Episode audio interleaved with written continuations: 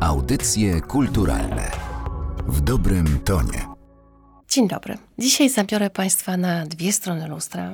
Tym razem lądujemy w XXI wieku, w naszym czasie, ale zanim to zrobimy, to cofniemy się i to daleko, daleko wstecz bo będziemy mówić o lustrze. A więc chciałabym Państwu powiedzieć, jakie były początki lustra. Poza lustrem naturalnym, czyli taflą wody, to jest lustro, które stosujemy do dzisiaj, przedmiot, który stworzyliśmy i nazywaliśmy lustrem, i tak zaczyna się historia, to były kawałki metalu, polerowanego metalu.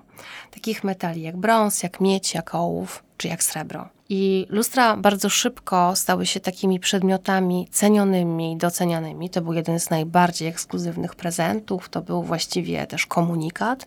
Były bardzo istotne, ponieważ co nam daje lustro? Lustro daje nam odbicie. I ja nieraz mówię, że historia lustra to jest taka historia romansu ludzkości z odbiciem własnym. Te dawne lustra były niedoskonałe. Jak możemy sobie wyobrazić, taki metal wypolerowany jednak deformuje rzeczywistość. To nie będzie idealne odbicie takie, jakie znamy z tafli współczesnych luster. Ale to oczywiście wtedy było najlepsze, co mogliśmy osiągnąć, ale metal wypolerowany z czasem pod wpływem dotyku naszych rąk, innych elementów, e, pod wpływem warunków atmosferycznych utleniał się, a w związku z tym matowiał, a w związku z tym to odbicie przestawało być widoczne. I szukaliśmy, jak możemy ten metal zabezpieczyć. I tak między innymi wpadliśmy na to, jak zrobić tak naprawdę lustro, bo jedno z zabezpieczeń to było położenie tafli szkła na ten metal, tylko i wyłącznie po to, żeby zabezpieczyć go właśnie przed tymi warunkami zewnętrznymi. Nagle okazało się, że ten obraz jest coraz bardziej dokładny, jest tak naprawdę bardzo, bardzo wyrazisty. To jest jeden z tych momentów, kiedy przez przypadek odkryliśmy istotę rzeczy. Opowiadam Państwu o tym dlatego, że nasz dzisiejszy bohater, lustra tafla autorstwa Oskara Zięty, to jest taki przedmiot, który za sprawą metalu, ale nie tylko, wraca do tej pierwszej idei, do genezy lustra jako takiego, który również ma w sobie wkodowany język deformacji. Jest to też przedmiot, który uosabia to, czym dzisiaj może być design. Bo design to nie są tylko przedmioty, design to również technologie, to odkrycia, to eksperyment, to innowacje. Mieliśmy już takie przykłady. Eksperyment to m.in. Julia Kajlowa, o której mówiliśmy kiedyś. Metal pojawiał się nam też jako materiał ważny dla innych naszych bohaterów cyklu Design w formie, ale dzisiaj mówimy o technologii FIDU. FIDU to innowacyjna technologia obróbki stali, mówiąc w skrócie formowanie ciśnieniem wewnętrznym, a polega to na tym, że laserowo cięte płaty metalu są ze sobą zgrzewane, a następnie od środka, niczym balon nadmuchiwane, za sprawą powietrza albo wody, oczywiście pod wysokim ciśnieniem. I to w zasadzie rozpakowywuje nam formę. I Oskar Zięta za sprawą tej technologii powołuje do życia różne obiekty, począwszy od pierwszego takiej wizytówki tej technologii, czyli stołka Plop, który ma już kilkanaście lat, poprzez różnego rodzaju przedmioty, które są zarówno obiektami ze świata designu, jak i ze świata sztuki. To jest technologia, którą można wykorzystać w architekturze, którą można wykorzystać jako elementy konstrukcyjne, która niesie w sobie ogromną wytrzymałość metalu, ale niesie też w sobie lekkość, ponieważ mówimy o tej formie, która jest jakby nadmuchana. W środku jest pustka. Gdybyśmy chcieli takie lustro tafla stworzyć z jednego kawałka metalu, to waga jego sprawiałaby, że potrzeba byłoby kilka naprawdę silnych osób, żeby to chociażby podnieść. Ja już nie mówię powiesić i zbudować taką ścianę konstrukcyjną, która byłaby w stanie to unieść. Jest to też technologia, technologia, która pozwala właściwie jak z dotknięciem czarodziejskiej różdżki zmienić element płaski w trójwymiarowy, czyli przejść z 2 do, do 3D, uosabia wiele naszych współczesnych potrzeb, a podstawową jest taka, że XX wiek nas nauczył, co może wnieść wzornictwo przemysłowe, jakie są pozytywne skutki dostępności przedmiotów codziennego użytku dla bardzo szerokiej grupy odbiorców. I przyzwyczailiśmy się też do tej seryjności w takim sensie, że te przedmioty z nami są, że jeżeli stłucze się nam filiżanka, jeżeli, nie wiem, ulegnie zniszczeniu konstrukcja krzesła, to właściwie niewiele się w naszym życiu wydarza, bo idziemy do sklepu i kupujemy ten przedmiot i on będzie dokładnie taki sam jak reszta filiżanek z tego serwisu, albo jak pozostałe krzesła stojące przy stole w jadalni. I to jest lekcja, którą przerobiliśmy na swojej własnej skórze, poczuliśmy jak to dobrze I jak to bywa w historii ludzkiej cywilizacji, poczuliśmy się na tyle komfortowo, że zorientowaliśmy się, ile zyskaliśmy, ale też ile po drodze straciliśmy. A tą stratą jest jednak poczucie indywidualności. Kiedyś przedmioty były robione specjalnie dla nas.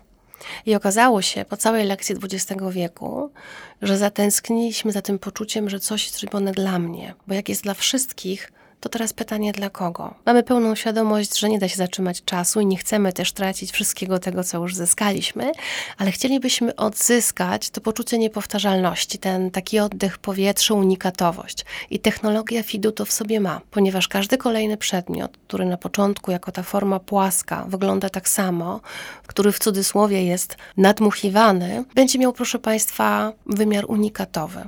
Nie ma dwóch podobnych do siebie luster tafla, ani żadnych innych przedmiotów, które powstały w technologii FIDU. I Oskar Zięta udowodnił w ten sposób, że to, z czym kojarzymy technologię, czyli unifikacją, jest oczywiście prawdą, ale niekoniecznie. Technologię każdą, żeby wprowadzić na rynek, trzeba opisać, podać taką swoistą recepturę. I Oskar Zięta zrobił to razem ze swoimi partnerami i ta technologia bardzo długo była odrzucana, ponieważ na papierze w tej formie zapisu ona, proszę Państwa, wygląda jak błąd technologiczny. A więc to, to też zostało zrobione przez markę Zięta, to jest wprowadzenie technologii, która na papierze wygląda jak błąd, ale jest wykonalna i wprowadza właśnie ten zupełnie nowy kierunek, jeżeli chodzi o, o rozwój technologii, wprowadzenie w ogóle tego do, do świadomości, do obiegu. Oczywiście jest to technologia opatentowana.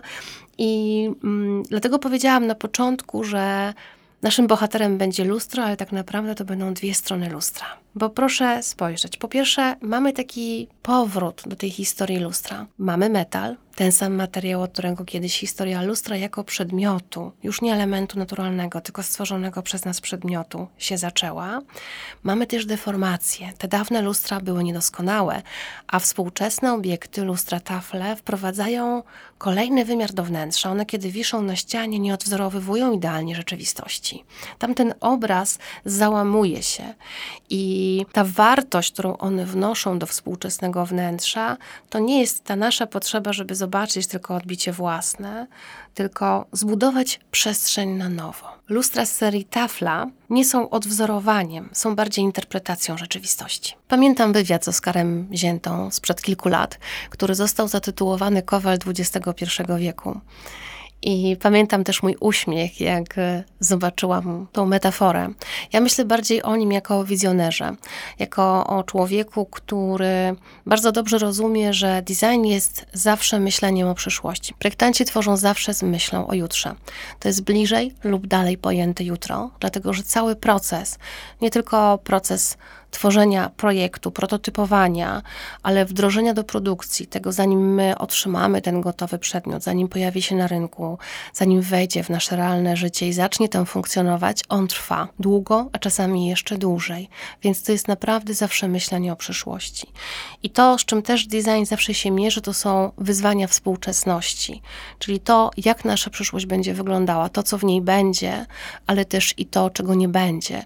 I tutaj myślę, że też jest ogromna zasługa Oskara Zięty, że stworzył technologię. Przedmioty, które ona powołuje do życia, mogą być różnorodne. Jego marka tworzy pewne portfolio produktów, ale tak naprawdę jest to technologia, która może nam służyć na bardzo wielu polach.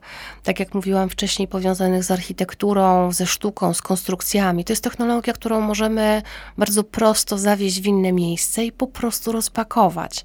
Technologia, która wnosi z sobą lekkość, unikalność, która wnosi też ekologię wytrzymałość, więc wiele takich cech, które są bardzo ważne dla naszego obecnego świata. W naszym cyklu Design Formie dziś po raz pierwszy spotkaliśmy się z bohaterem naszych czasów.